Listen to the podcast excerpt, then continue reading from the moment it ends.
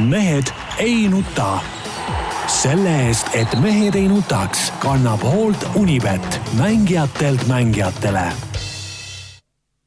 tere teisipäeva, nagu ikka, Mehed ei nuta eetris, täna on kuidagi õhkkond siin natukene närviline, mõned mehed siin tõmblevad. Tarmo Paju Delfist. tervist Peep Pahv Delfist ja Eesti Päevalehest. tere! ja Jaan Martinson Delfist, Eesti Päevalehest ja igalt poolt mujalt. no kui Tarmo ei saa nuppudega hakkama, siis muidugi läheb närviliseks.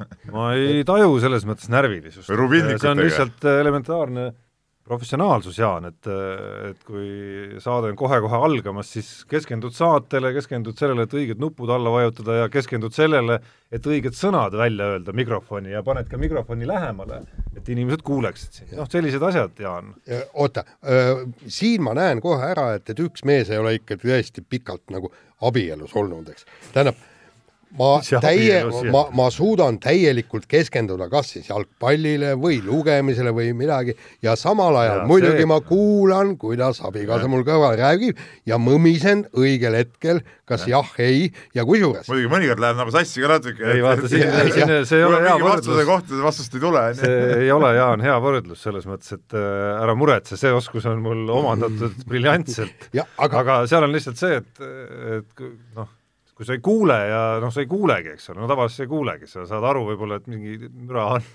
Aga sa keskendud oma asjale, noh siis, siis ütleme, teine pool on ka harjunud sellega, kuulajatele samas ei tahaks nagu mingi vale nupuga pettumust valmistada. aga kusjuures samas ma võin öelda, et, et noh, nende minu aastatega on tulnud välja kogemus, et, et teinekord naine küsib, et kas sa kuulad ka mind või, ja siis ma suudan talle pronuntsseerida viimase lause üsna täpselt kui, kuigi, kuigi ma seda ajust läbi ei la-, lase, aga, aga ta salvestub kuhugi mul, seljaaiu. see on nagu põhiline. see on nagu äh,, ma mäletan ülikooli ajast äh, äh, ma ei mäleta, mingi reklaamiga seotud aine oli või oli see psühholoogiaga seotud aine, kus on ju ära tõestatud, et selline nagu varjatud reklaam jõuab tegelikult kohale, et kus sa ütleme siis, äh, võtad äh, ette video ja näitad seal nagu äh, mingite milli- või mikrosekundite jagu mingit Coca-Cola nagu visuaali, nii et sa tegelikult, inimene ei taju, et sa näed seda, aga kuskil alateadvusesse see läheb, et samamoodi see jutt ei, sinu abikaasalt jõuab ikkagi kuskile sinu ajukoore sisse, et sa suudad mingi osa sealt taas esitada.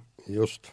nii, kas Eesti riigis on teil midagi muret tekitavat, mis südant haavab, riivab rõõmustab. peaasi, et maasikad saaks korjatud, eks ole, muud muret siin Eestis ei ole, nagu ma aru saan. ja ei, aga, aga, aga see on minu meelest on see lahing praegu läinud põllumeeste ja nii-öelda riigi vahel või, või noh, ütleme niimoodi, nii-öelda poliitikute vahel on kohati läinud piinlikuks, sellepärast et minu meelest oli väga õige ja kena artikkel oli see, et kui sul on probleem, siis palun ole natukene järeleandlikum, ole painduvam et, et ei ole sul vaja niimoodi, et, et, et need maasikakorjajad tulevadki äh, kaheks kuuks elama sulle seal kümnesesse tuppa, vaid kui, kui inimene on äh, valmis tegema neli päeva või viis päeva tööd, las ta siis teeb need neli ja viis päeva.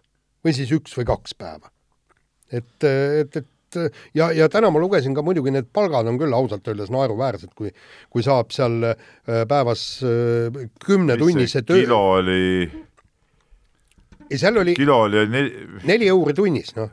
Neli... ei, no seal on, see kilode pealt on. enamasti oli kilode pealt. ei, aga, aga oli ka, oli ka tunni pealt. seal igatahes alla euro oli kilo igatahes. no ma tahaks hea öelda kindlasti ka vastupidi, et selle asemel, et nii-öelda karjuda vastu, et, et pole meie asi, võiks ära lahendada needsamad probleemid hoopis seaduse tasemel, mis puudutab nüüd tööampse ja igasugu muid reaalseid asju, mis äh, mingeid inimesi, mis, mis hoiab väike... inimesi mitte minemast, et selle asemel, selle asemel, et öelda, et me suhtleme sel teemal, tehke ära ja ongi asi lahendatud. see tööampsu üks probleem, ma alguses mõtlesin ka, et tööamps on nagu hea asi tegelikult.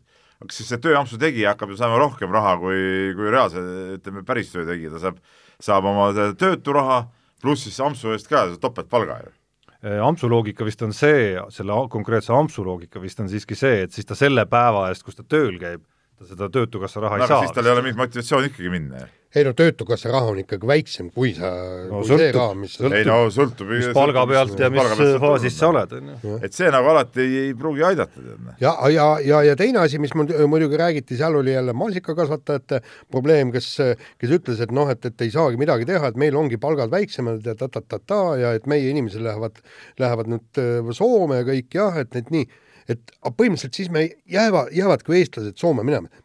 kas me, me peaksime ühel hetkel ikkagi Soomele järgi jõudma ja temast ka loodetavasti mööda kihutama, nagu meie olime ju palju kõrgema majandusega, olime ju enne teist maailmasõda, kui, kui Soome oligi.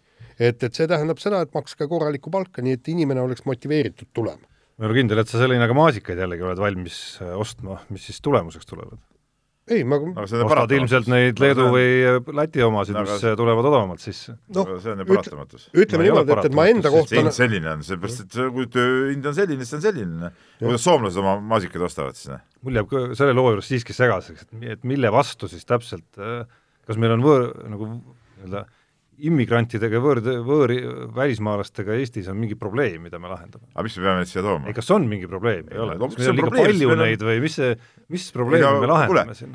mis ajal, ma pole näinud seda lugu, mis ajast nad üldse siin käima hakkasid, nad ei ole ju kogu aeg siin käinud ju. ega ei olegi. noh et see on ju mingi viimase aja mingisuguse, mingisugune jutt, et tead. ja see on viimase aja trend, jah. ja aga kus see probleem on? ei no ma küsin sulle, no sa, sina laulad ikka ei, ei, asi pole laulus, selgitage ära. ei no selgitage ära, kus see probleem probleem on see, et Eestimaa on eestlastele, see on väga lihtne. ja teine asi on see, et, et kui ma olen Eestis töötuid või siis, siis need tehku, siis need peavad Eestis tööd tegema, mitte ei tule mingid võõrad siia tegema, noh, see on nagu loogiline. mina ei tunne, et miski Eestimaad nagu selles, selles suunas ohustab, hetkel mina, vähemalt, et nii ikkagi... nagu räägiti siin aastad varem äh, hoopis kaugematest äh, immigrantidest, mis neid neegreid on ikka kogu linn täis ju, praegu käid sa ringis, ei saagi enam valgeid inimesi ei näegi ei, ei tunne ma ka seda ohtu kuskil.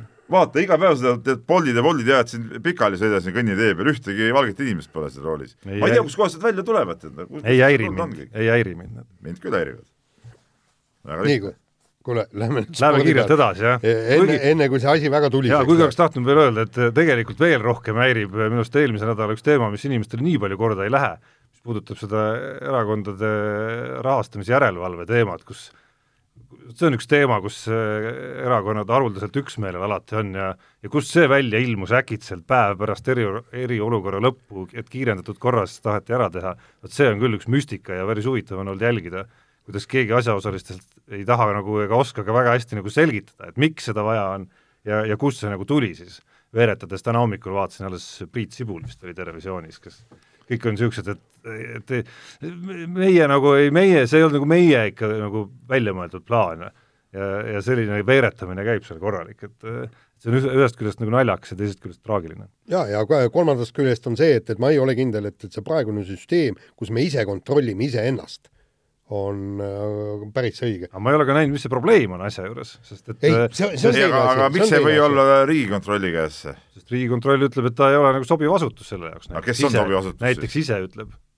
noh, tundub, et praegune praktika on töötanud. no aga nad ju ise kontrollivad iseennast Koht... ju praegu. aga miks, aga miks see, miks see halb on? sellepärast, et kui ise kontrollid iseennast, siis see, see ei ole õige kontroll kõik asjad, mis seni on jõudnud kohtusse, on osutunud, et on äh, pädevad otsused olnud. jaa, aga võib-olla on niisuguseid asju, mis ei ole jõudnud ei kohta ja on Aa, vaikselt ära susserdatud. sa ikkagi arvad, et eesmärk on see, et tuleks, et nad, ongi üllas idee, et ikkagi veel paremini äh, ütleme siis sahkerdamised äh, suudaks, suudaks no, mingi organ paljastada kas sa arvad, kas ja, sa arvad, ja selle huvides oli tehtud, oli sinna eelnõusse kirjutatud ka, et edaspidi äh, on kolmeaastane tähtaeg ainult nendel asjadel Äh, pärast mida asjad nagu aeguvad. see, vot see on, see on nüüd see on kaht-, see, see kolmeaastane on muidugi kahtlane, sellega ma olen nõus. aga see, et kontrolliks keegi teine, mitte, mitte ise, selles ma küll midagi, midagi halba ei näe tegelikult. nii, nii, aga kütame nüüd spordiga edasi ja, ja Eestis mängitakse jalgpalli ja kusjuures noh, ütleme, ma ei oska hinnata, kui head jalgpalli äh, nüüd maailma mõistes mängitakse, küll aga mängitakse põnevat jalgpalli. et, et siin on päris äh, huvitavaid skoore olnud ja äh, Nõmme Kalju kaotas Tallinna Leegionile, võistkonnale, kes esiliigast üles tõusis, aga kes olevat ikkagi meie jalgpalli asjatundjad ütlevad, et, et päris korralik sats. esimese, tabeli esimese poole sats potentsiaalne ikkagi, jah? ei no pluss ka väga korralike traditsioonide ja juurtega sats, mitte mingisugune mingi mingi sats metsast. ja kusjuures jube head noortetööd tegev ja. sats. no see on nende põhitrump tegelikult. ja, ja, ja siis Kalju sai veel ka Tartu Tammekaga viigi kätte, eks ju, et, et Flora, Flora. või Flora käest. Flora sai Tammeka. või Flora, Flora sai Tammeka käest ja et, et ühesõnaga seal on noh, niisugust äh, parajat intriigi on äh, kõvasti ja see, ja see, see ongi nagu no see teeb asja huvitavaks muidugi. just, aga, aga nüüd tahaks näha, eks, et, et kuidas siin on, et ka lõpuks ikkagi need kolm satsi jagavad omavahel medalid, aga, aga mine sa tea. no järgmisel nädalal on, on nüüd üks omavaheline mäng ka ees ootamas, Levadia Kalju vist, kui ma õigesti mäletan, on omavahel ka kohtumas, et, et saab näha, kas need vahed hakkavad seal tekkima nende vahel või ei. aga noh, vahed vahedeks, lõpuks ikkagi Eesti jalgpalli meistrivõistlused said kohe ikka nagu korraliku mitte, mitte spordirubriigi esiuudisega, vaid isegi nagu äh, portaalide avalehtede, Delfide ja Postimeeste avauudisega ka hakkama. Kohe, kui võistlus lahti läks, pean siis silmas seda Konstantin Vassiljevi ja ja Tammeka üheksateistkümneaastase noormängija Mihkel Järviste vahelist möllu siis see on niisugune kahe otsaga asi, eks ole, kõigepealt ma ütlen see, et mingi üheksateistaastane vend ei ole, ei ole see mees, kes hakkab vanale midagi ütlema, on ju. teiseks muidugi kujutad ette, Michael Jordanile oleks läinud keegi no see Jordan, Martin Müür, Martin Müürsepp oleks läinud aga, aga, aga, aga teiseks muidugi ma nagu Vassiljevi käitumist erinevalt Jaan sinust, ma nagu heaks ka ei kiida mitte mingil juhul, on ikkagi mingid teatud kirjutamata reeglid ja neid reegleid tuleb täita, jah, ma olen nõus sellega, et tihtipeale veiderdatakse nende krampide ja mingite asjadega okei okay,, aga kohtunik paneb selle aja nagunii juurde ju. oot-oot, esiteks, no kindlasti ta ei pane kõike seda aega. kõike, muidu... millist kõike aega? no seda, tegelikult peakski kohtunik paneb stopperi käima, nii kui mängija kukub, paneb stopperi käima ja sellest hetkest, kui pall mängu pannakse, et, et sealt läheb mänguaeg edasi ja vot, vot siis ei, me siis, saame kui sa niisugust reeglit tahad, siis peaks jalgpall olema nagu muud pallimängud, et ei, seisva ajaga. ei no stopper antud juhul ei puutu ju selles mõttes asjasse, et sa annad palli tagasi ju vastasele no see oligi vastase käes, see pall ju.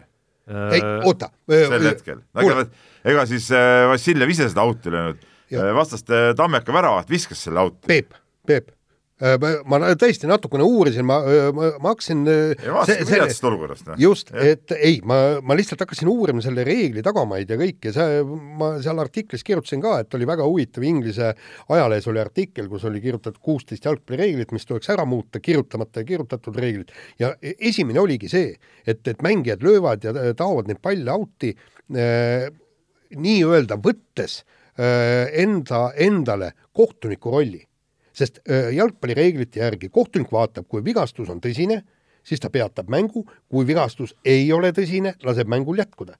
aga nüüd on järsku äh, Tammeka väravaht see, kes leiab, et, et need mänge on tõsiselt ma siin Tammeka väravat süüdistaks, see on ikkagi jalgpallis kogu aeg niimoodi olnud ja ütleme, Eesti ei ole kindlasti see koht, kus hakata neid reegleid muutma. Peep, Peep, kuule Peep, kuule, esiteks seda reeglit tuleks muuta üle maailma. Ja teine asi, sa oled ju ise jalgpalli väga palju vaadanud ja sa oled ju käinud ka Eesti koondise mängudel erinevalt minust ka seal staadionil vaatamas. Ja jube palju asju jääb tegelikult teleekraanide taha. Ja.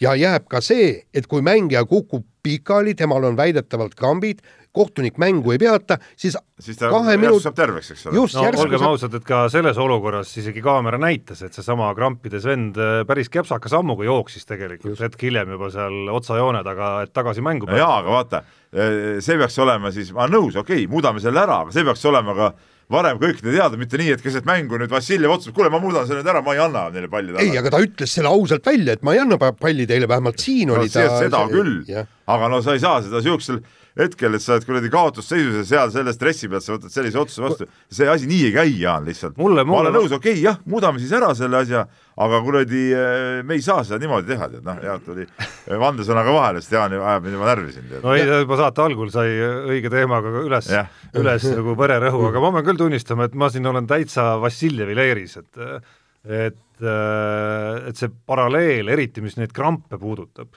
sellesama boksiga, et, et need krambid tekivadki üldiselt ju sellest, et äh, päris tihti, et üks pool on treenitum näiteks, üks pool peab koormusele paremini vastu, üks pool on surunud teise rohkem kaitses mängima, rohkem jooksma näiteks, kõik sellised detailid, on ju.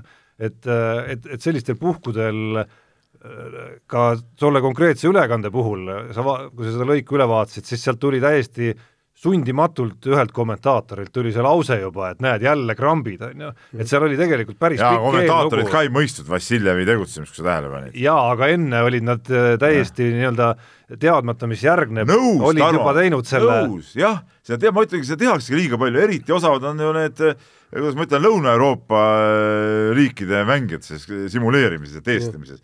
nõus, see ongi jalgpalli jaoks nagu halb, aga ma ütlen veel kord, kui äh,, praegu nägin pommuudist, ma kohe ütlen, mis see pommuudis on äh,.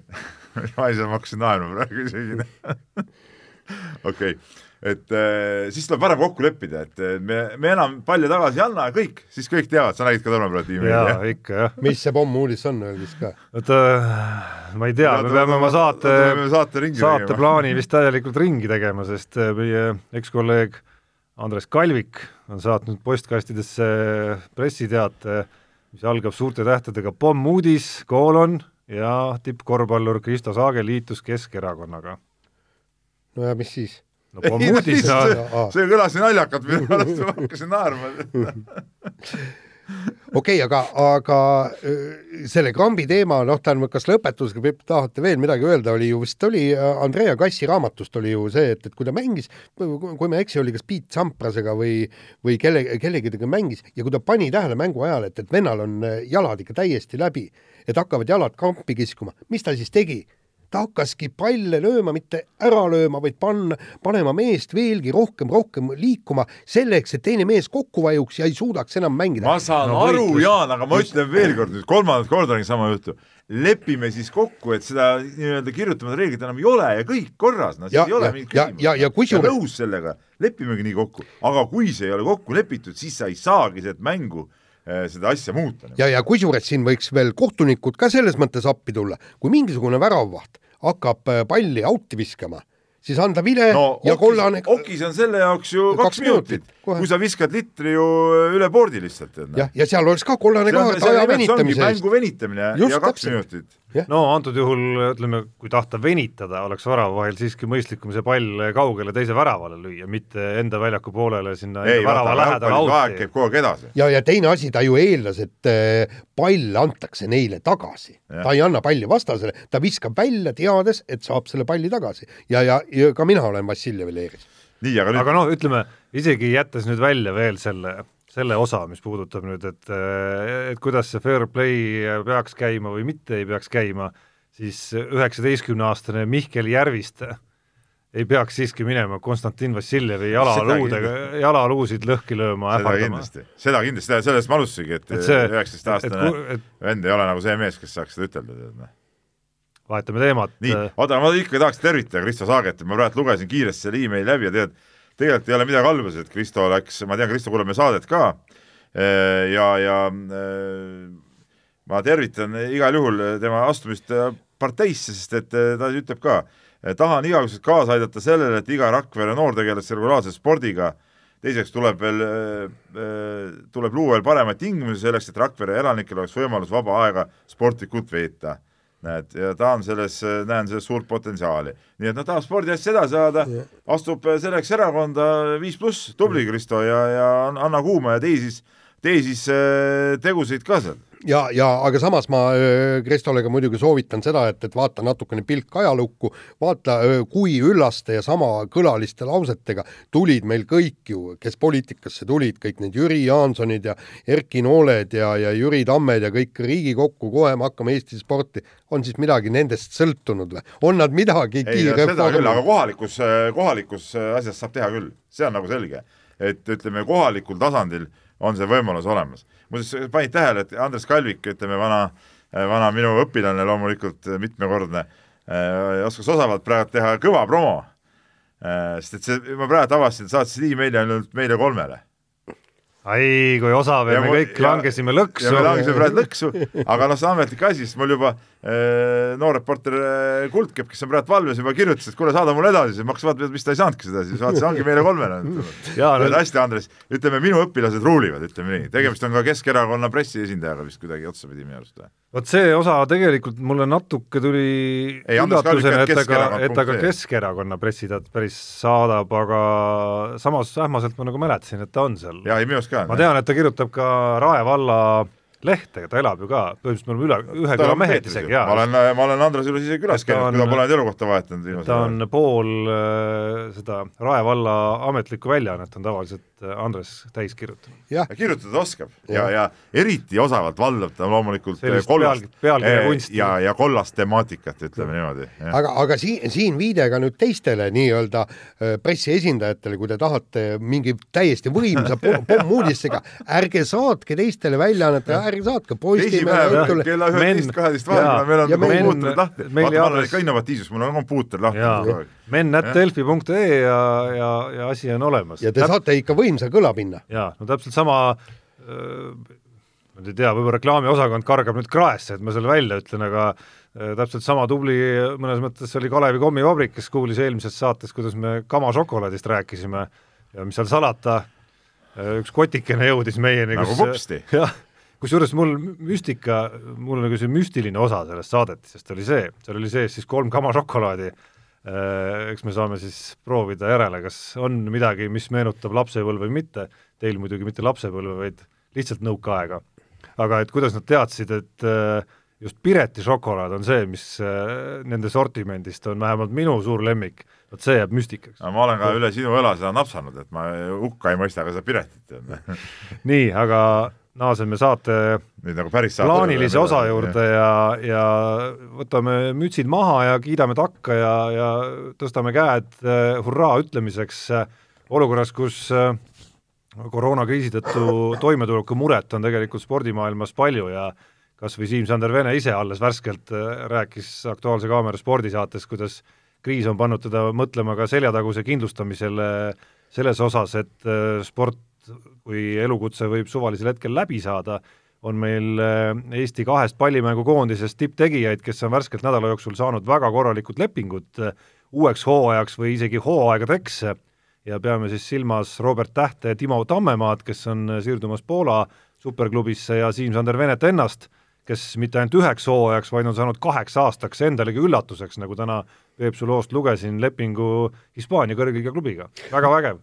muide, ma tahan siin just küsida, et kas see mm, Hispaania klubi ei olnud mitte see, kus ta pärast kahte mängu jalga lasi? Jaa. jaa, ta mängis ühe Hispaania liiga ja ühe selle äh, Euroliiga, ja siis Euroopa sai, liiga jah, siis sai. Euroliiga klubi pakkumise ja, ja ei saanud ei öelda sellele. aga huvitav, kas kummaline ei tundu, et, et nüüd peetakse ikkagi teda nagu, tähendab, ma mõtlen klubi, ma mõtlen, ei no ju klubi sai ka aru, et et see Mhm. Venele tulnud toonane pakkumine oli siis see, millest ei saanud keelduda, noh et, et sa sai ikka Euroliigas mängida, see on nagu midagi muud, noh.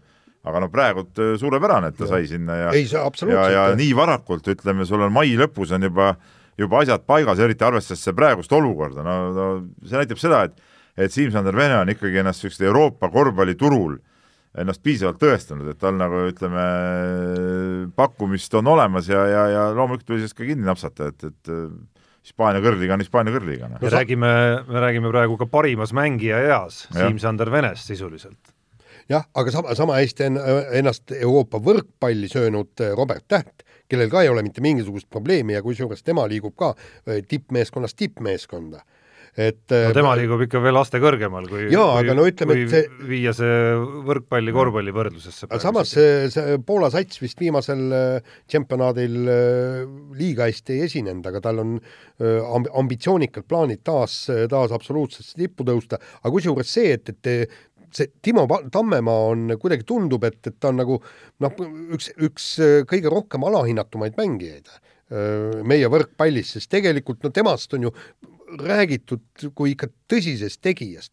aga me ikka räägime Venno ja, ja kõik need noh, no., aga see ongi võib-olla siis sellest, et temast ei ole nii palju kirjutatud, noh ta võib-olla persoonina pole olnud nii nii avatud ja, ja võib-olla nii värvikas, sest aga see ei vähenda mitte mingil juhul loomulikult tema, tema mängija omadusi ja, ja, ja väärtust. noh, pluss ka koondises äh, tema positsioonil on äh, ütleme, vist isegi kõige, kõige tihedam positsioon, mis meil üldse olemas on, et ta peab seal ju Ardo Kreegiga äh, alustuseks juba ja mitte ainult Ardo Kreegiga positsiooni ja mänguaega jagama, et et eks ta selle võrra jääb ka võib-olla natukene varju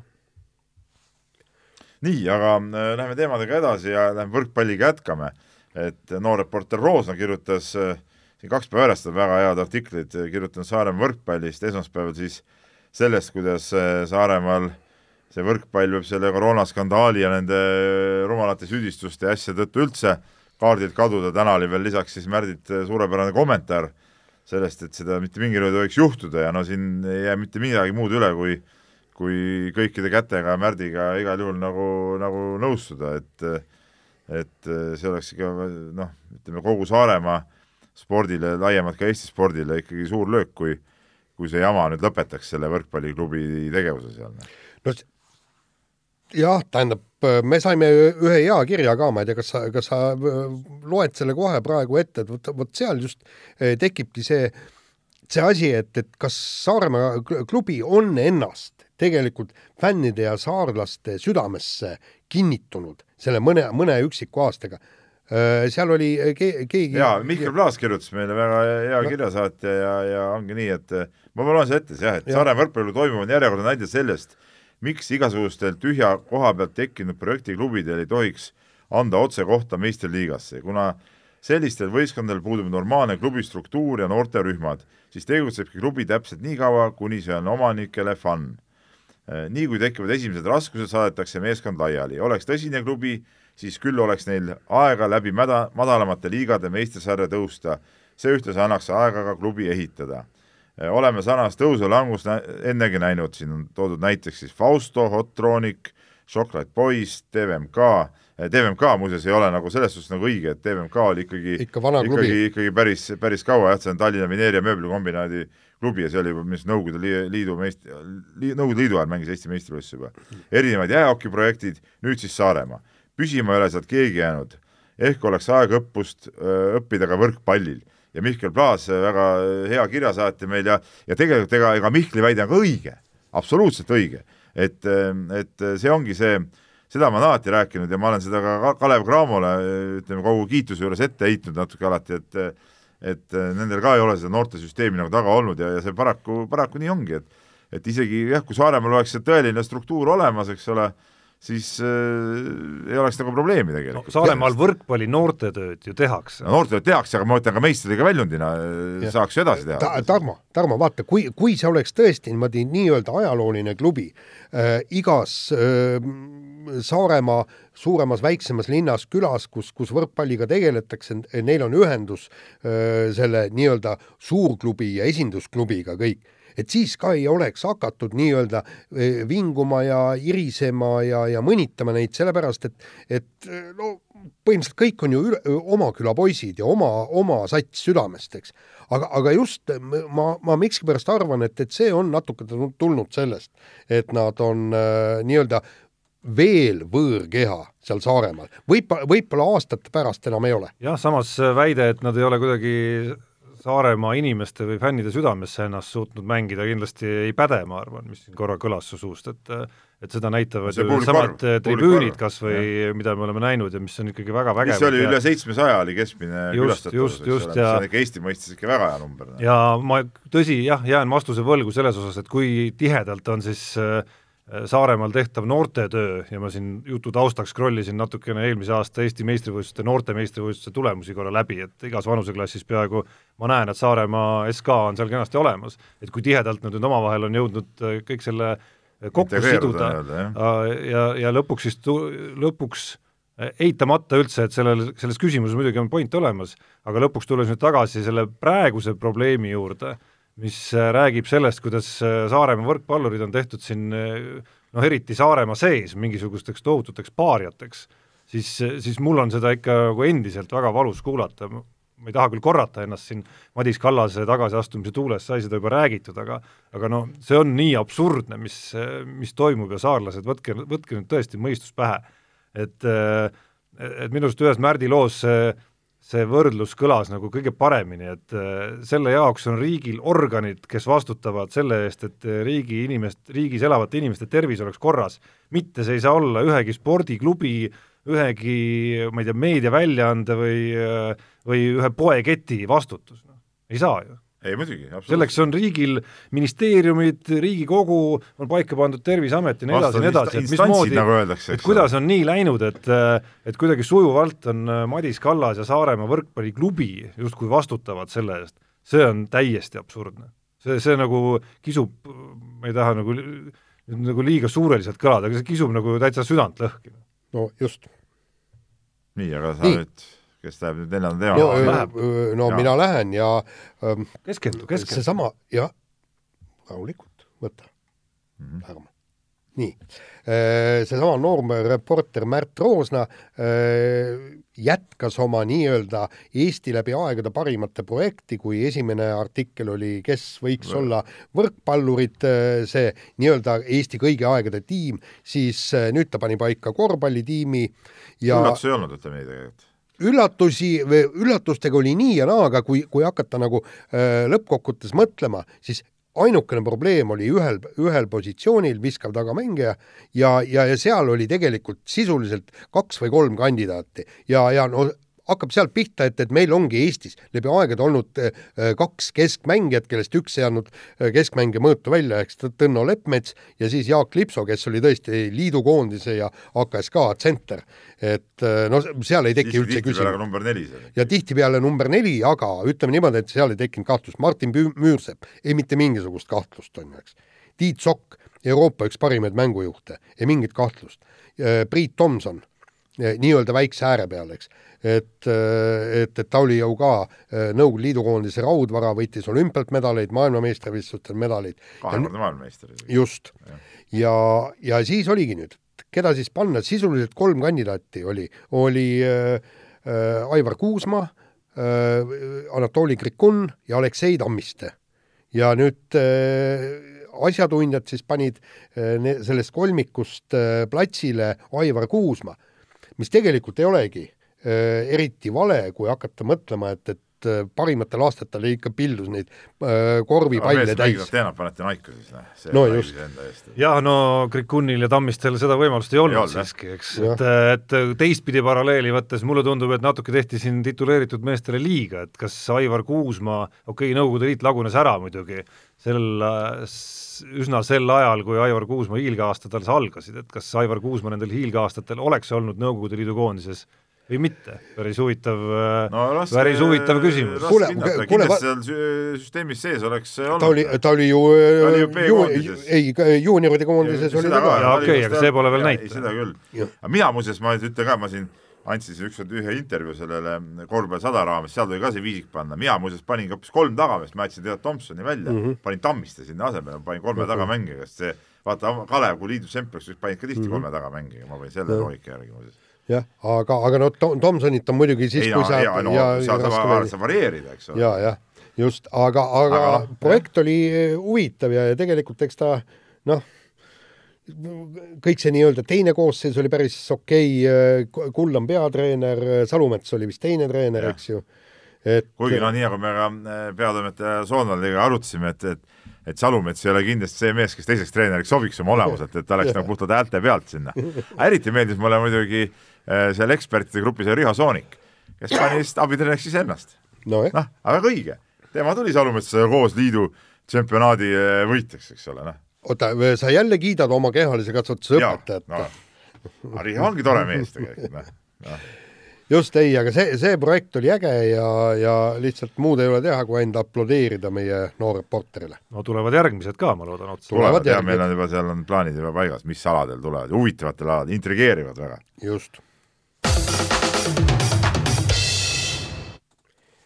Kiire vahemäng või? aga äh, nii-öelda, kui me räägime seal intrigeerivatest artiklitest, siis nagu me kuulsime, olid mõned suisa ära öelnud sellest, et ta ei taha ekspertideks minna, sellepärast et kui ta teatud persooni ei hääleta seal äh, teatud numbrile, et, et, et siis, siis läheb, tekivad probleemid. siis tekivad tõsised probleemid, nii et oodake meie järjekordseid artikleid. oota Jaan, see on, see on huvitav asi, mida ma nüüd olen äh, viimastel nädalatel äh, äh, ookeani tagant eelkõige jälginud, et mis on nüüd lahti läinud siis selle Michael Jordani filmi nagu järeltuules.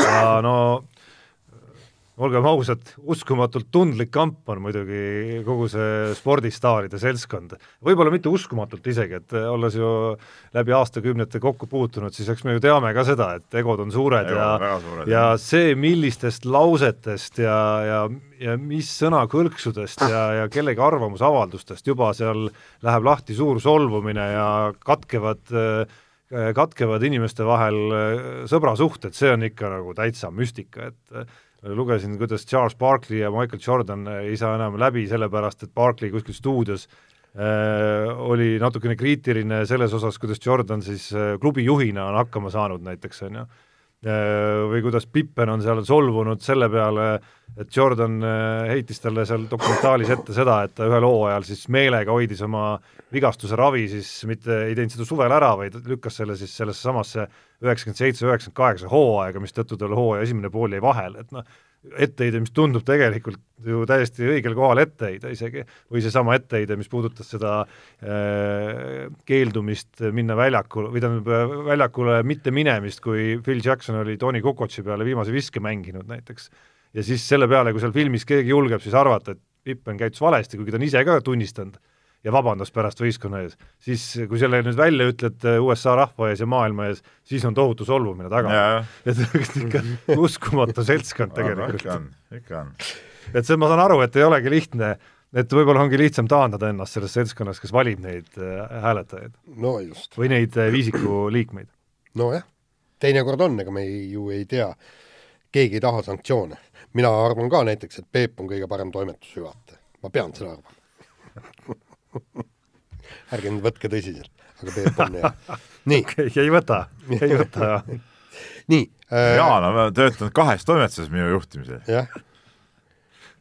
ja siiamaani ellu jäänud suhteliselt. nii äh,, aga tema, ma arvan, et tema ja Madis Kalvet on kaks meest, kes on töötanud, ei, Ats ka, kolm meest. vot nii, head mehed Michael Jordan ütles ka, et Scotti Pippen oli tema parim meeskonnakaaslane läbi aegade, aga siis Dennis Rodman väitis, et Michael Jordan äh, väitis, et hoopis Dennis Rodman oli parim meeskonnakaaslane.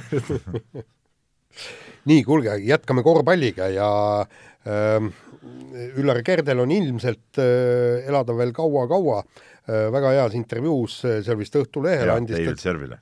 Just, legend David Servile. Äh, andis ta teada, et tal on nii sitt iseloom, et ta ei sure enne ära, kui keegi tema Tartu Rocki eurotulemuse ületab. mis tähendab seda, et, et pääseb vähemalt Final Fouri ja kui me räägime ületamisest, siis järelikult äh, tuleb vähe, vähemalt kolmandaks tõusta, jah. No, no mehed, öelge, pa, äh, pakkuge välja, tegelikult on huvitav vaadata, kas, kas on üldse mitte mi mingisugustki lõhna, ütleme niimoodi, kui ei, ei, oot, stopp kui Kalev Cramo hakkaks mängima mingisugust kõige madalamat eurosarja ah,. okei okay,, ta ütleb, äh, keegi ületab. okei ta ja. ei pea silmas, et Tartu ei, ei, ei, ei. keegi. no Kalev Cramo alustas siis kõige madalamast äh, FIBA eurosarjast, siis siis ma näen nagu tegelikult iseenesest seal nagu võimalust küll. no seda enam, et on ju segane, mis äh, sarjad meil üldse on, mis sari, mis tugevusega võib mingil aastal olla, eriti praegusel ajastul nüüd lähiaastatel, et jääb see, jääb see veel eriti müstiliseks, et ses mõttes nagu äh, ses mõttes nagu ei tea midagi aga.... mis, mis meid oodata võib, millal see tuul võib tulla üldse nagu soovi näol seal osaleda. tõsi, ma kuulasin siin hiljuti vanu podcast'e järele ja, ja sealhulgas ka Kalev Kruusi podcast'i Tanel Teiniga, kes ka ei ole ju püssi põõsasse visanud ja ja, ja tahaks ikkagi, et Tartu ükskord ise teeks selle asja kõik ära ja on üsna, jagas seal üsna niisuguseid julgeid veksleid välja, et mis aastaks seal on see nende, ma ei teagi, mis see õige nimi on, rokiklubi saanud siis selle praeguse esindusmeeskonna põhiliseks äh, nii-öelda nagu toetajaks, ütleme siis nii. jah, aga, aga ta, ta, kusjuures tal oli ka oma veksel seal, et tema enne ei võta korvpalli uuesti kätte, kui äh, Tartu Arena on püsti. jaa, tal on jah see. aga jama on selles, et, äh, et ta peab vist erandi tegema, et lastega siiski mängida aga muide, tehke mulle selgeks, miks ei võiks Kalev mängida seda kõige madalamat äh, sarja? ei no siin on see asi, et kui nad mängivad VTV-d ka, siis nad ei mängiks ju välja kolmes sarjas. no jaa, aga ärge mängigu Estikaid no.. mina, mina olen, ma olen ka seda meelt, et et nad võiks, nagu võiks vähem mängida. ei, nad võiks, võiksid liituda siin play-off'is või, või, või, või noh, ma ei tea, mängiks no ma saan aru, et siin teised klubid tahavad, et Kalev käiks nende juures, mängivad ühe ringi ainult võõrsil. jaa, aga noh, Kalevi huvides ma ei tea, kui palju see on praegusel kujul, et ma eelistaks ka kindlasti seda kas või madalat eurosarja, minu arust on on Kalevi juhid seda natukene nagu, ma ei tea, alahinnanud seda, kui huvitav see võiks olla ja, ja kui sportlikult äh, vajalik ka. ja, ja teine asi on ju see, et, et kas meil mängitakse Eesti meist-, meistritiitel mängitakse ka eraldi välja või ei mängita? no mängigu siis äh, Eesti tšempionaati, tähendab, ärgu sõitku Lätti mängudele mängigu ainult äh, Eesti meeskondadega, siis äh, saavad play-off'is äh, asetuse ja siis mängivad sealt, sealt oma Ei, koha välja. noh, just, nii. vahetame teemat ja Ott Tänak sai käe soojaks, testis siis Eestimaa teedel Hyundai R5 ralliautot no ütleme ka midagi reaalset hakkavad kõlama. jah, midagi reaalset vahepeal rallimaailmas, et, et selles suhtes äh, see oli nagu tore, tore uudis, et noh, selge see, et nad ise ju, Oti ja, ja Marko Märtini tiim ju neid Hyundai tehase tiimi seda R5 projekti tegelikult ju, ju veab, et, et see on nagu iseenesest nagu loogiline, et ta neid autosid ka aeg-ajalt testib, aga noh, ma arvan, et see talle endale noh, nagu pärast kommentaarist välja tuli, oli ka nagu oluline, et ta sai, sai selle autoga sõita ja, ja, ja see, ütleme, nii pikka pausi vist tal polegi varem olnud ralliautos istumises, nagu ta ütles, et selles suhtes äh, väga õige, kes kes veel peaks oskama neid autosid paremini seadistada ja testida kui, kui Ott, mitte Ott ise, eks ole. ja minu meelest on siin selles mõttes väga tänuväärne, et, et, et just öö, maailmameister öö, tuleb ja testib seda R5 autot, et teistel tiimidel seda, seda võimalust mulle tundub, ei ole, Ogier ei lähe, no okei okay,, Toyotal ei olegi R5, R5 autot, aga, aga see, et, et et teisi näiteks noh, ta võiks minna Škodat testima või mis, noh, ei ole sellist võimalust et, et ma arvan, et, et äh, Ott tegi selle auto oluliselt paremaks. jah, seda kindlasti ja noh, nüüd ootame siis äh, rallist edasi rääkides, ootame nüüd uudiseid, mis siis saab ikkagi sellest, sellest rallivärgist siin Eestis ja üldse, kuidas Eesti kalender käima, käima läheb, sest no tegelikult hooaja äh, avaralli peaks ju olema mitte, mitte see äh, ma ei, ralli nime isegi ei oska öelda praegu, see, vaid, vaid mis on planeeritud siis Otepääl Rally Estonia asemele, vaid tegelikult peaks see olema Viru ralli üldse hooaja avaralli, mis peaks toimuma juuli alguses, noh tegelikult pidi toimuma nüüd juunis, aga aga kui ma siin rääkisin Oleg Krossiga, siis siis ta ütles, et esialgu nad planeerivad seda juuli algusesse lükata, kui selleks ajaks antakse nagu võistluse korraldamise lubad, et noh, et, et see oleks, see oleks ka midagi juba käegakatsutavat, tegelikult ikka vaikselt sport lahti läheb, ma et, et vaatasin ju tegelikult ju laupäevalgi tuleb ju ju äh, Tallinnasse täna korvpalliturniir, eks ole, või noh, kolm kord kolm nüüd uue nimetusega, publikut küll ei lasta sinna, aga aga ütleme, päris, päris tummine asi. Noh. oota, kuule, aga kas publik ei saa sinna üles vaatama minna, nõlva peale? mingis mahus ikka saab, jah. saab kuskilt, jah sealt natuke paistab küll, ma selle koroonakriisi kõige teravamal ajal käisin sealtkaudu tegelikult vanalinnas jalutamas Toompeal. et sattusin nendest väljakutest ka mööda minema päris mitu korda, ehk et seal on kohti küll, kus äh, isegi minu arust Snelli pargis mõne puu otsast on võimalik jälgida. ja, ja nagu ma Peebult kuulsin, väga e esinduslik seltskond tuleb. jaa, palju, palju näpud... on, ütleme, Eesti kohalikke tippmängijaid seal kaasa löömas, et näpud sügelevad. et kõigil näpud sügelevad, et selles suhtes äh, vägev värk muidugi nii, aga äh, lähme edasi, Andrus Värnik, äh, odaviske maailmameister äh,, kes on siin vahepeal käinud üsna keerulisi radu, andis siis intervjuu Tarmo Tiiselile ühes ERR-i äh, uues saates ja, ja ütles nii, et enam napsi ei võta ja lõpuks pead ise aru saama, mis elu, elu sa tahad, mis on normaalne elu ja kui olid vahepeal väga hea, siis poriauku kukkuda ei sobi, et ma käisin seal ära tunnistab Värnik ja, ja väidab, et on nüüd nagu asunud nagu paranemise teele.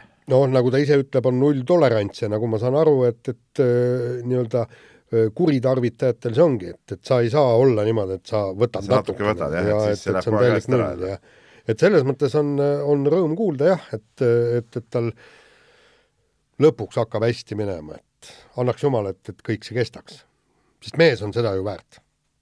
Ei, absoluutselt, no ja, ja, ja ja kui siin palju on äh, alati kirjutatud seda Värnikut, et no mis asja ja kobaga võitis seal Soomes ja nii edasi, mis, mis kuradi kobaga, ma alati räägin, et mehel on kaks MM-medalit, ärge kunagi unustage ära seda, et tal oli Pariisi hõbe, Helsingi kuld, noh, nii nagu ma kirjutasin ka, meil oli siin see vahepeal ilmus see spordielamuste topp, noh, see oli ikkagi ülikõva asi, noh, ülikõva asi. noh, pigem äh, tasub, jah, kui keegi siin nii arvab, siis pigem tasub meenutada neid arvamusi äh, mis ütlevad, et äh, just Värnik oli see Eesti kahest viimase, viimaste kümnendite odaviskeässadest, kelle potentsiaal jäi täielikult pigem hoopis nagu rakendamata ja kasutamata, eks. et Magnus Kirt on võtnud sellest potentsiaalist palju rohkem välja kui, kui Andrus Värnik, noh kas või seesama olümpiaeelne totter vigastus, on ju. ja ei, seda küll, aga ma ütlen, aga need ka... Värniku hetked on olnud, on olnud ikka üliemotsionaalsed ja noh, ütleme, Värnik on maailmameister, Kirt veel ei ole lihtsalt, noh see ongi nende just täpselt nii, äh, võtame järgmise teema, võtan prillid natuke eest ära, ahaa, viimaks ometi, kaks tuhat kakskümmend üks saab kuulda ja näha eestikeelset komma-, kommentaariga vormel üks äh, võidusõite telekast. aga mina ei saanud aru, mis asi see Viaplay, see kadus ära ju. jaa, no põhimõtteliselt lahti seletades tähendab see siis seda, et Skandinaavia Viasat, eks, mis varem omas ka meie seda, kogu seda TV3 ja Baltikumi osa, mille nad siis maha müüsid ameeriklastele, et seesama Skandinaavia Viasat tuleb ja ikkagi tuleb nagu meie turule tagasi mingil kujul, ma saan aru, et, et Viaplay kas siis rakenduse või või veebilehe või see, selle, selle kohta tahaks satelliittelevisioon, see kohta... Viasati satelliittelevisioon veel töötab või? ei no kanal on alles ju, küsimus on lihtsalt, Eestis äh, ei ole väga palju võimalusi seda originaal Viasati kanaleid näha, mida sa Skandinaavias näed. ei, no aga meil oli, minul oli ka vanasti kodus, enne kui ma läksin Telia peale, mul oli see Viasati äh, taldrik oli seina peal. Noh. jaa, ikka töötab muidugi muidugi, seal lihtsalt minu teada ei ole Viasati spordikanaleid sees, neid Skandinaavia omasid mm.. et, et ühesõnaga huvitav oleks teada, mis kujul nad täpselt tulevad siis Eesti turule tagasi, saab see olema mingisugune äh, rakendus saab see olema Telias olevate Viasati kanalite näol, kus kõik eestikeelsed kommentaarid juures, et seda, seda me praegu no, ei tea. ma saan aru, et seal et spordisõbral on, spordisõbral kindlasti on raske mitte rõõmustada sellise arengu üle. küsimus ei ole mitte ainult vormel ühes, vaid seal oli ka NHL ja Saksamaa jalgpalliliiga näiteks. no jaa, aga muidugi need on jälle teiste kanalite kaudu, NHL on see Tanta spordi kaudu tead nähtav, Saksamaa on ju vist kas Eurosport kahe pealt ei ole või? Saksamaa liiga. jaa, võib-olla küll. vahepeal oli, et, et noh, iseenesest jah, aga aga no see, et, et vormel no, ühte Eesti ei näinud, see oli, see oli maailma nägin, no ma võtsin spetsiaalselt selle Saksamaa kanali. ei no jaa, aga tähendab, jaa, sa vaatasid RT, RTL-is, see oli, see oli ka nagu küllaltki absurdne. aga, aga muidugi see, see, näiteks ma olen ju vaadanud, et, et mida soomlased näevad, no see on täiesti noh, tähendab maa ja taevas on, on, on me, me oleme tõesti seal kuskil Euroopa perseaugus vabandage väga, see, sellega, kui vähe me tegelikult sporti näeme. jah, kui sa käid kuskil välismaal, vaata, ikka hotellis plõksutad kanaleid. no spordikanalid on seal ju igas riigis on, ma ei tea, kuus-seitse tükki. ma ei tea, mulle pigem tundub, et selle pisikese Euroopa augu kohta on Eestis ikkagi uskumatult hästi see, kui palju siin viimastel aastatel seda sporti nähtud on, et isegi, isegi aga... eraldi spordikanalid on kuule, oota, hakka, hakkame nüüd sealt, kas, kas me näeme, me oleme oota. ju täielikult kääbused ikkagi turu mõttes. kuule, ütle, kas me tegelikult näeme ka suurt sporti, eks? vormel ühte ei näinud, eks? NBA-d nüüd näeme, eks ju? nüüd näeme. Ka, kas me näeme kõiki neid parimaid mänge? no nüüd näeme, sellest hooajast näeme. no lõpp, lõpuks ometi, eks. no NBA nii-öelda NBA enda kaudu on seda võimalik kogu aeg ei, ei, näha, me raha me räägime, ei, ei, me räägime eestikeelsed kommentaarid televiisorist. nii, järgmine asi, eks, Ameerika jalgpall, mida soomlased ja kõik, kogu maailm näeb, ei näe, okei okay,, näidake kas või Super Bowli. nii, oota, oota, oota, oota. see nimekiri ei ole, seda võib jätkata, aga, aga mis su see, mis su see nagu lahendus siis on, et kes, kas riik peab maksma peale, et neid näidata? ei pea, no sellepärast me räägimegi, me oleme see uruauk, noh, mitte midagi ei olegi teha, noh aga no küsimus ongi selles, mina mõtlesin selle vormel ühe taust on ju samamoodi, et see no, olid lihtsalt liiga kallid Eesti turu jaoks kogu lugu. golfi me ei näe, kõik soomlased, kõik, kõik vaatavad no, ju oota hea nüüd, aga minu küsimus ongi see, ma mõtlesin sedasama asja peale, et esiteks ma ei saa aru, mis see Viaplay ju kadus ära, et tuleb tagasi, okei. Okay., aga kas see, eh, kas see on nagu hea üldse meie nagu nii-öelda spordi, telespordimaastikule, et tuleb üks lisakanal juurde, pigem oleks hea, kui kui see hea sisu oleks kõik olnud nagu näiteks mingis ühes kanalis, oleks nagu see rahaliselt, ma arvan, eh, noh, kuidagi kindlam nagu, kui see nüüd killustub niimoodi ära, siis lõpuks, lõpuks ei ole kellegi jaoks raha, tead noh noh, see eks näis, mis plaaniga reklaamiandjana nagu võiks nii olla. no näis, mis plaaniga nad turule tulevad, sellest on väga vähe teada. ma arvan, et sõber Kalev Kruus väga õnnelik ei ole praegu selle, selle uudise ei no jaa, aga kui see, kui ta tuleb tasulise kanalina, siis seal ju reklaami ei näidata, no põhimõtteliselt ta reklaamiturule nagu ei tungi. ei, miks? Nii-öelda see, et sa maksad äh, kanali vaatamise eest raha, ei tähenda, et sinna reklaami ei saa sulle müüa, et, et sa näeksid ka reklaami. mõlemad ikkagi on paralleelsed. ei no aga need spordikanalid tavaliselt on ikkagi reklaamivabad olnud. ma küll sellist ei tea. kust otsast? Spordiülekannet sees reklaam on ikkagi elementaarne osa, ükskõik, kas see on sul tasuta vabalev, ükskõik, kas see on sul vabalevi kanal. Nad näitavad vaheajal neid reklaame. aa, no jaa, aga noh, nad näitavad oma saadete reklaame. mitte ainult. mitte ainult, ma ei tea, Aldarise õlut näed Euroliiga mängude ja. vahel või, või kihlveokontorite no, reklaame. jah, ja seal jah, hokimängude aeg ja need on ikka seal. no sellepärast, et näiteks mina, mina vaatan rohkem ju või vaatan seda ajalookanaleid, eks, mis on talus, tasulised kanalid, History Channel ja kõik, seal tuleb reklaamipaus, siis meie näeme ju tegelikult nende oma saadete reklaame, aga no see selleks, tähendab. nii, aga kiire vahemängu lõpetuseks äh, tsiteerime Tõnis Randala vastust küsimusele, miks pole keegi ületanud tema Eesti meistrivõistluste punktirekordit viiskümmend kuus silma, ju neile ei antud viskekätt. no julge lause. ei, mis mehelt, julge? kelle nimel ma juhin tähelepanu siiski Eesti meistrivõistluste punktirekord, mitte mingi kõrgem aga olukorras, kus kolme punkti viset veel ei olnud. Ei, kõva, ülikõva. ja, ja, ja natuke teades ka Tõnist, eh, tervitan siinkohal, loodan, et ikka kuulab ka eh, väga maru vend ja, ja, ja oli kohtunik, palju käis mul seal noortemänge vilistamas ja okei okay,, see vilistamine väga hästi muidugi välja ei tulnud, mängumees oli ta muidugi parem, aga ei, ei, ei, ei ka, ei kaotanud, ei no tegelikult oli normaalne. Aga, aga, aga äh, õige jutt tegelikult, noh et kui seda ikka viskamas olla, siis ta ütles õieti seal, ma ei tea, kas te viitsite läbi, ma lugesin selle joo läbi. ei, ma lugesin ka, jah. et kui see vise oleks treenitav, siis ju kõik venelad ju treeniks super, superviskajateks no,. see nagu päris nii ei ole, sul peab ikka annet olema selleks ma julgeks väita, et pärast Tõnis Randala on Eesti korvpallis olnud mehi küll, kellele viskekätt on antud. ära nii head ei ole ära, et antud olnud. sa ei tea, sina ei mäleta Tõnis Randalat mängimas, meie Jaaniga mäletame. just ja, ja, ja, ja, ja kõik mängisid Eesti, Eesti meistrivõistlusi, Kuusmäed mängisid kulla. ta oli Kalevi, Kalevi põhimees ikkagi. ma siiski ütlen veel kord, et me räägime Eesti meistrivõistluste rekordist, mitte kuule, eurosarjas visata. tal oli liidu tsempionaadil olid neljakümneseid mänge küll seal, ta rääkis seal intervjuus. no Kuusmaal oli ka muidugi liidu. ei, ei, muidugi oli. Kuusmaal viskas isegi Euroopa meistrivõistlust. aga ma tuletan veel kord meelde, Randala viskas oma punktid siis, kui kolmes joont ei olnud veel. jah et pane see ka, ma ei tea, kui palju siis, aga muidugi ta ei ole ka rekordi ainuomanik, Peeter Grünthal. aga siis oli juba kolmed olemas, kui Grünthal viskas. vot, et igal juhul äge ja no tervitame. Unibetis saab tasuta vaadata aastas enam kui viiekümne tuhande mängu otseülekannet, seda isegi mobiilis ja tahvelarvutis. Unibet, mängijatelt mängijatele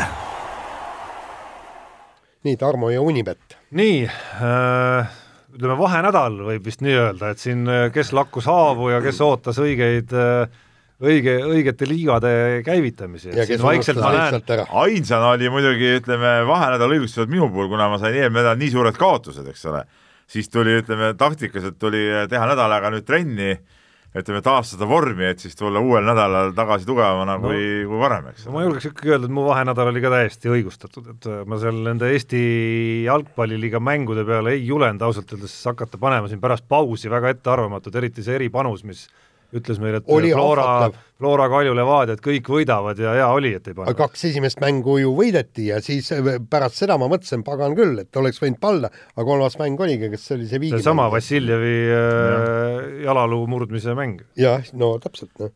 et äh, ütleme niimoodi, et hea, et ei pannud. aga ootame pikisilmi jah, siin NBA siin vaikselt lubab ja ma vaatasin, oli äh, Saksamaal kavatsetakse ju korvpalli ka mängima hakata, et siin olid juba mingid esimesed panused olid täitsa üleval, aga, aga räägin siin hoopis ühest muust Unibeti pakkumisest meie eripanuse raames, see puudutab siis Saksamaa jalgpalliliigat ja seal eelseisval, ei mis eelseisval, üsna, üsna kohe lähiajal juba toimuva Müncheni Bayerni ja Dortmundi Borussia mängu äh, Äh, ümber on käimas siis üks äh, mäng, kus saab äh, ilma nii-öelda reaalset panust tegemata tasuta pakkuda mitmendal minutil lüüakse esimene värav ja kes selle lööb? Ja õigesti vastanute vahel siis kakskümmend viis tuhat eurot mänguraha läheb jagamisele, mis siis enamike mängijate jaoks tähendab reaalset raha. Ja ma võin öelda, mina tegin panuse ära juba ja see, sellest saab, ma arvan, see, millega ma selle mängu kinni panen see aasta siin, mehed ei nuta valisin välja ikkagi mängija, kes kõige tõenäolisemalt selle lööb ja võtsin oma lemmikminuti ka veel, ma ei hakka no. seda ütlema, sest siis te lähete ja panete sama minuti peale ja nädala pärast jälle Tarmo tuleb, tead, eh, silmad pihust ja täna nutetud. kaotada ei ole midagi. nii. kirjad. kirjad ja alustan kohe kirjaga, mis tuli saate ajal tegelikult ja oli tingitud meie päeva esimesest teemast, eh, mis oli siis jalgpalli teema ja ja Viljar küsib äh, lihtsa küsimuse, kui kaua võib väravat palli enda käes hoida? kuus sekundit.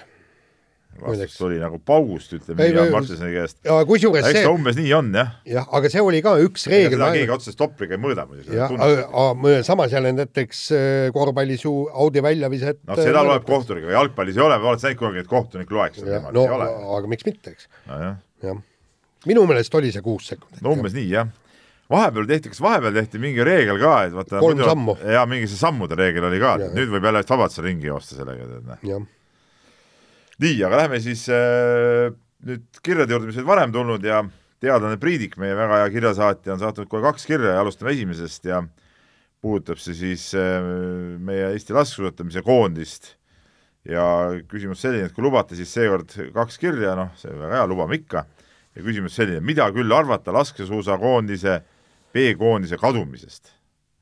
noh no, no, see tuli siis nüüd välja, et Eesti laskesuusakoondis kahanes kaheksaliikmeliseks, nii-öelda B-koondis äh, jäeti kõrvale ja on neli meest ja neli naist ja Indrek Tobreluts põhjendas seda siis peatreener ja, äh, selgelt, et tähelepanu äh, ütleme, tugevamatele hajus liialt, et oli liiga palju neid no eks ta on viisid, nii. viisid nii-öelda taset allapoole natuke või? no jaa, aga sellega on nii ja naa, kas nüüd siis äh, äkki muutuvad jõle mugavaks?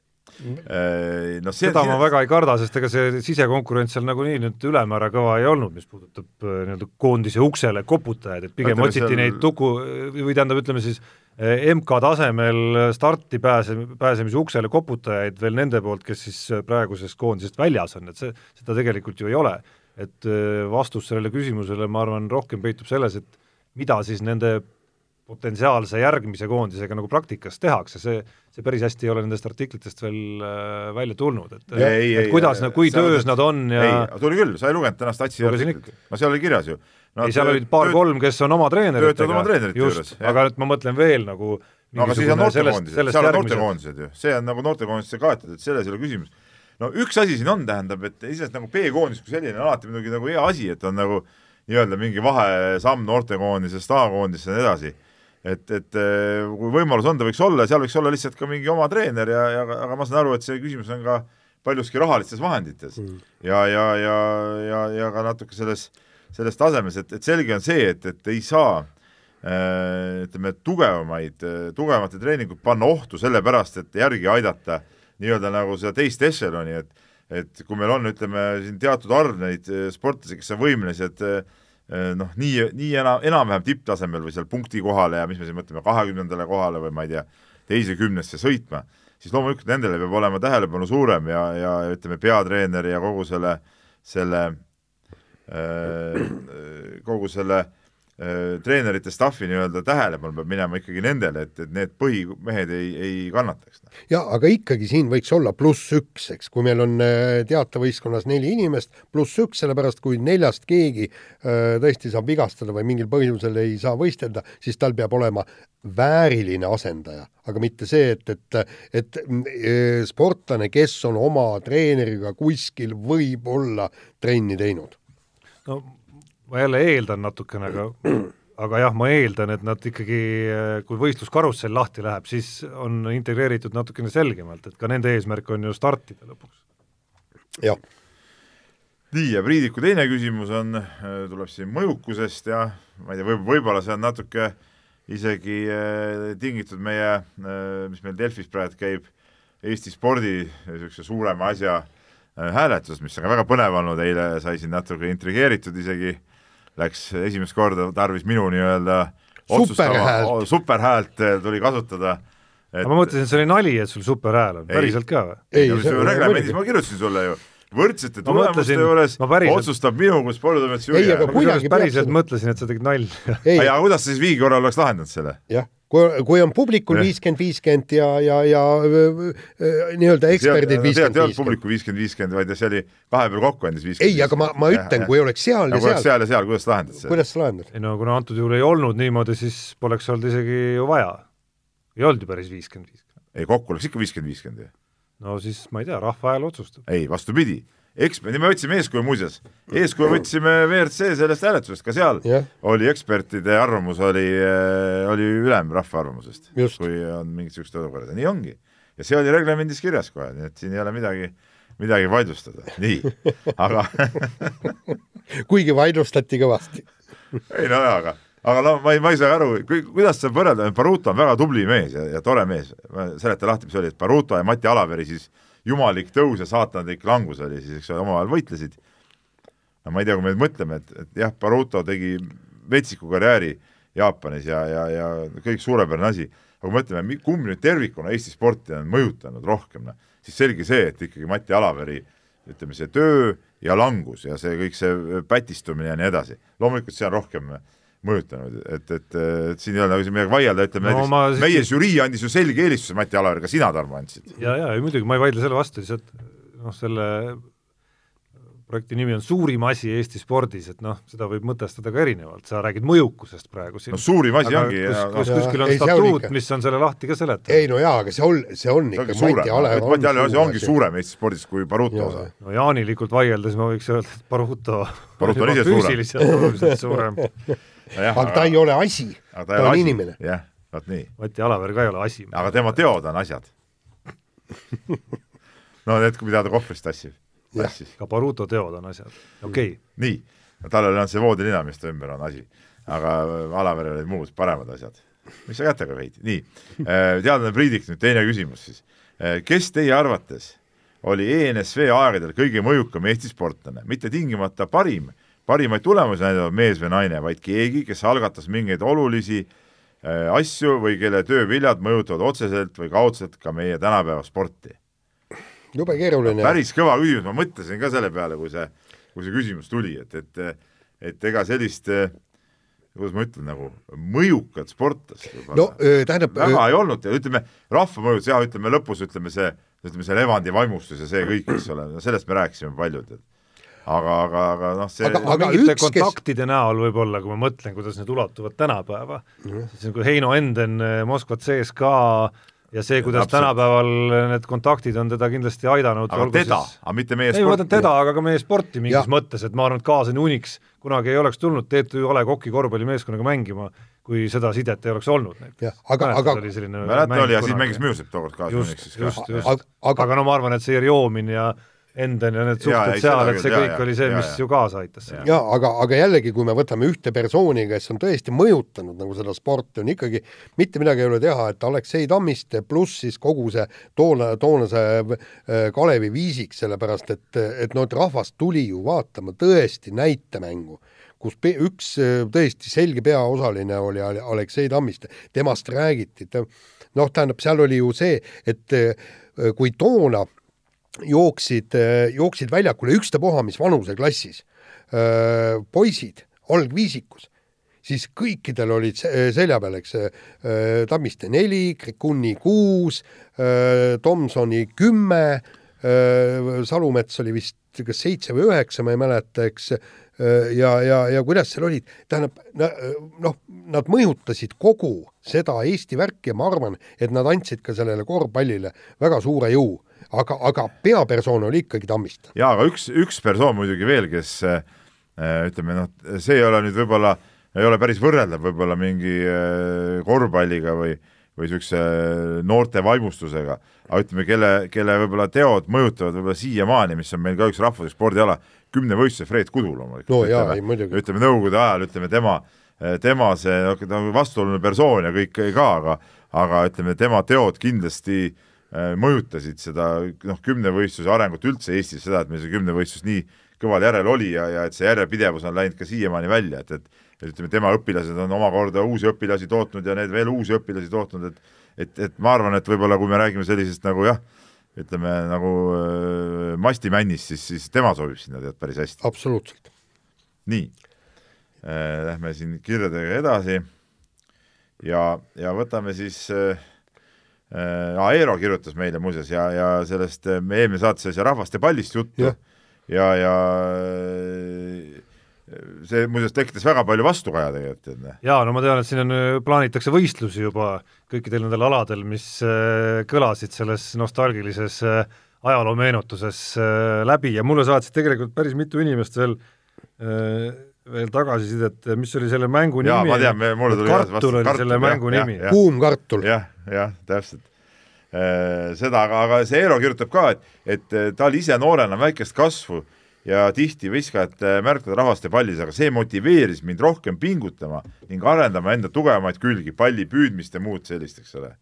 samuti tuli see kindlasti kasuks ka edaspidises elus, tahe ennast tõestada, olla parem ning mitte võtta teiste paremust solvangu ja negatiivsena. vot, et see oli nagu väga, väga hea, hea tähelepanek eh, Eero poolt. ja kusjuures, kui sa, kui sa ise rahvaste valli mängida, olid koolidevahelised võistlused, siis need pisikesed suslikud kes pealtnäha tundus, et jõle lihtne on teda välja lüüa, siis tegelikult nad olid jõle vintsked sellid, nad olid kiired, nad olid lühikesed, oskasid hästi palli püüda ja sest sellega võisid ääretult alt minna, kui mõtled, et ah, paneme mingisugune lörbandi selle poole, küll ta pihta saab ei olnud see nii. aga väga hea kirja saatis meile ka Eno Astok ka, üks meie asjalikke kirjasaatjaid, tihtipeale me saame tema käest ka muidugi sarjata ja tema kiri koosnes ühest äh, Youtube'i lingist ja kirja pealkiri oli, et äh, kas päris sport äh, või mitte ja no seal lingi all oli siis mingisugune täielik roppus mingisugune, mingisugune e-spordi mäng, millest midagi ei, see ei olnud e-sport, see oli, see oli mehaaniline minu meelest. Ai, see oli see, jaa, see oli see õigus, ma nüüd eksisin sellepärast. alguses jah, tuli sealt see, kus need munad veeresid, jaa, jaa, õigus, no see on ka täielik totrus muidugi. Aga pärast see link, äh, ma vaatasin seda ka hiljem ja siis see video, vaata, Youtube viskab ette, siis sealt edasi tuli juba mingi strateegiamäng, mingi samasugune välja. Mm. -hmm. ei no ta mõtleb ikka seda munade ta mõtles munade veeretamist, jah et äh, no see no see oli ka mingi täielik nali, no loomulikult spordist ei ole seal midagi rääkida. ei, aga siis on ju see, vaata, mis nad äh, vanitavad siin parte või pa, miljon parti lasevad seal. see on heategevus. ja ei heategevus, aga siis ütleme, et see on ka sport, pardiralli. see on ka. no kas see mudellennusport on sport või ei ole? mudellennusport on. aga miks ta nüüd nii erinev on nendest munadest, mis siin veereb? ei, neid munasid ju inimene ei saa ise mõjutada ju. miks ei saa? Juba see valmistumise protsessis saavad ja ma ei tea, kas seal on mingi raadioteel juhitav mingi teema ka või ei ole? ei, ei, ma ei usu, et see midagi raadioteel juhitab, see lihtsalt mehaaniliselt veeres ju. jah. ma kahjuks ei tea sellest alast piisavalt aga palju, Eno Astok võib meile teha Ja. kas sa teed kiiruse peale, sa ju ise juhid sellest puldist või teed siis neid vigur, vigureid seal, eks ole, see on, see on hoopis teine asi. nii, ja viimase kirjana ma võtan ette siin Eh, Marko kirjutas meile ja, ja ta kirjutab nii ja see on nüüd, see on nüüd päris karm kiri jälle. Viimasel ajal tõusevad ihukarvad püsti ning mida aeg edasi ja suurem antipaatia on tekkimas siis äh, tema vastu, jutt käib siis äh, Andres Sõbrast. ma tahaks küsida, et mida ta nii väga Eesti korvpallis on saavutanud, et käib ja tuututab igal pool. tema suur mölapidamatus ning avameelsus on terve kirjutava spordimeedia sujuvalt ära tinistanud hea on avameelse ja filtrita ning otsekohese arvamuse pealt lugusid kirjutada. kui ta nii teadja inimene on, siis oleks võinud äh, Riia EM-i ajal oma suure suu lahti teha ja öelda, et mehed, mis te pullite oma meediate ja asjadega, millegipärast ta seda aga ei teinud, kartis oma soojast kohast ilma jääda. jutt käis siis sellest, mis me rääkisime äh, eelmises saates, kuidas koondise asju korraldati valesti Äh, hiljem äh, tarka mängida ning käia ja seletada erinevates podcastis ja artiklites on äraütlemata lihtne. no mina tahaksin öelda, Andres Sõber on kui nähtus. teda ei saa võtta nagu mingi noh, liigtõsise supereksperdina või, või, või, või, või mingi ajakirjandustegelasena või, või midagi. ta on nähtus, kui inimene tahab, räägib, räägib jumala, jumalast kihvte ja head juttu. ja, ta inimesed ongi jumala okei inimene, ma ei ütle küll, ma ei inimene teeb show'd. ihu, ihukarvat, ei, ma räägin ka, kui ta niimoodi no, esine avalikult niisama räägite, aga siis ta mhm. räägib ka ju oma normaalset juttu. no, no jaa no me helistame ikkagi umbes kord nädalas vähemalt, kui mitte tihedamini. no siin tuleb mitut küsimust eristada, et, et mida ta nii väga saavutanud on, saavutanud minu arust on ta ikkagi suht palju, suht palju, eks, et olgu, olgu need tiitlid või, või mängijad, kelle karjääri ta on päris märkimisväärselt mõjutanud, mõjutanud alates Martin Müürsepast kuni hilisemate näideteni Kristjan Kangurite ja ja Rain Veidemannideni välja, aga oota, ma ütlen, et toona pääseda Kalevisse, see oli suur asi, sa pidid olema Eesti kaheteist parima ta ise, ise mänginud. ta on ise, ise mänginud, jah, kaheteist parima mängija hulgas. aga ma arvan, et ka selle kirja nagu põhiküsimusel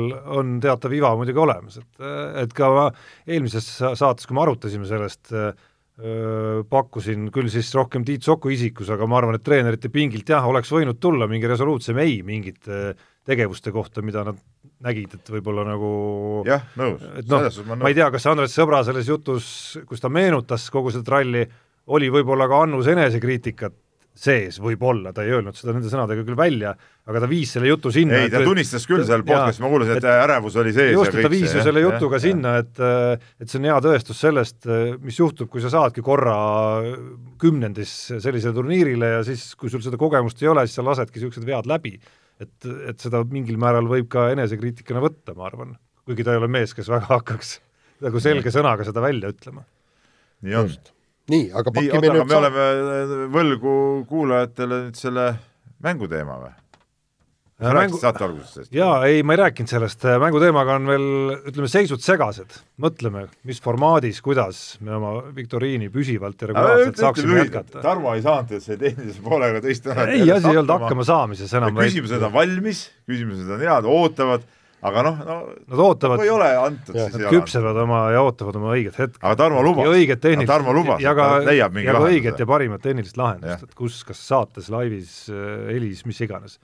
Et äh, küsimused ei lähe kehvemaks selle ajaga. aga natuke tuli noort meest praegu ka otse-eetris nahutada, see oli õigustatud, vaat nii. nii, aga paneme saate lukku ja kuulake mind nädala pärast. mehed ei nuta saate tõi sinuni Unibet, mängijatelt mängijatele